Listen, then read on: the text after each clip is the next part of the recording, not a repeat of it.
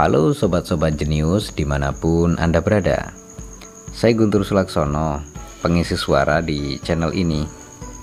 Saya sebenarnya lebih aktif untuk update buku-buku terbaru melalui channel youtube saya Namanya Baca Buku.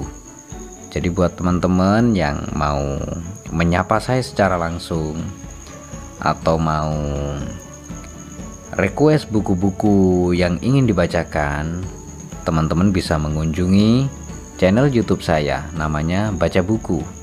Teman-teman bisa mengajukan request buku-buku yang ingin dibacakan atau sekedar say hello.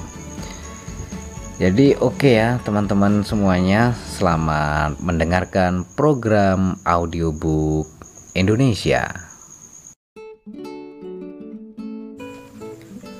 Selamat datang di channel Baca Buku. Kali ini saya akan bacakan buku sebuah karya dari Khalil Gibran dengan judul Sang Nabi. Selamat mendengarkan. Mustafa yang terpilih dan yang dicintai sedang berada di usia senja telah menunggu kapalnya selama 12 tahun di kota Orvalese untuk membawanya kembali ke pulau kelahirannya. Dan di tahun yang ke-12, pada hari ketujuh, Lelol, bulan kematangan, ia memanjat ke bukit di luar dinding kota dan memandang ke arah laut. Dan saat itulah ia melihat kapalnya datang diiringi buih ombak Seketika gerbang hatinya terbuka dan kebahagiaannya melayang jauh di atas lautan. Ia menutup matanya untuk berdoa dalam-dalam keheningan jiwanya. Tetapi saat ia menuruni bukit, kesedihan menghampirinya dan ia berpikir dalam hati, Bagaimana aku dapat pergi dalam damai tanpa penderitaan? Tidak, tidak mungkin jiwaku tak terluka bila aku meninggalkan kota ini. Berapa banyak hari yang kurasakan dalam kesedihan di antara dinding-dinding kota ini? Berapa banyak malam kesendirian? Dan siapakah yang dapat pergi dari, kesen dari kesedihan dan kesendirian ini tanpa penyesalan? Terlalu banyak bagian dari jiwa yang telah kuserakkan di jalan-jalan ini, dan terlalu banyak anak-anak dalam penantianku yang berjalan telanjang di antara bukit-bukit ini dan aku tidak dapat meninggalkan mereka tanpa rasa sakit atau beban.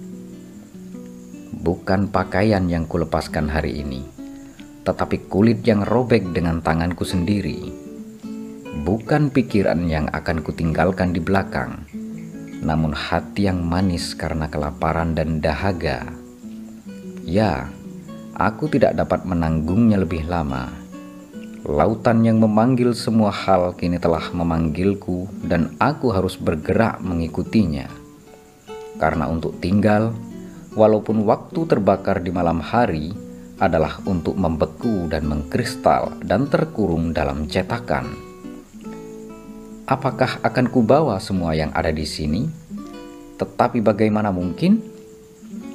Sebuah suara tidak akan dapat membawa lidah dan bibir yang memberinya sayap suara harus mencarinya sendirian, dan sendiri tanpa sarangnya elang harus terbang menyeberangi matahari. Kini, ketika ia mencapai kaki bukit, ia berbalik lagi ke arah lautan, dan ia melihat kapalnya mendekati dermaga, dan ia melihat para pelaut di atasnya, orang-orang dari tanah kelahirannya, dan jiwa berteriak kepada mereka, dan ia berkata, putra dari ibu tuaku, kalian penunggang ombak. Betapa sering kalian berlayar di dalam mimpiku, dan kini kalian datang dalam bangunku yang menjadi mimpi terdalamku. Siap aku pergi, dan keinginanku berlayar siap menunggu angin.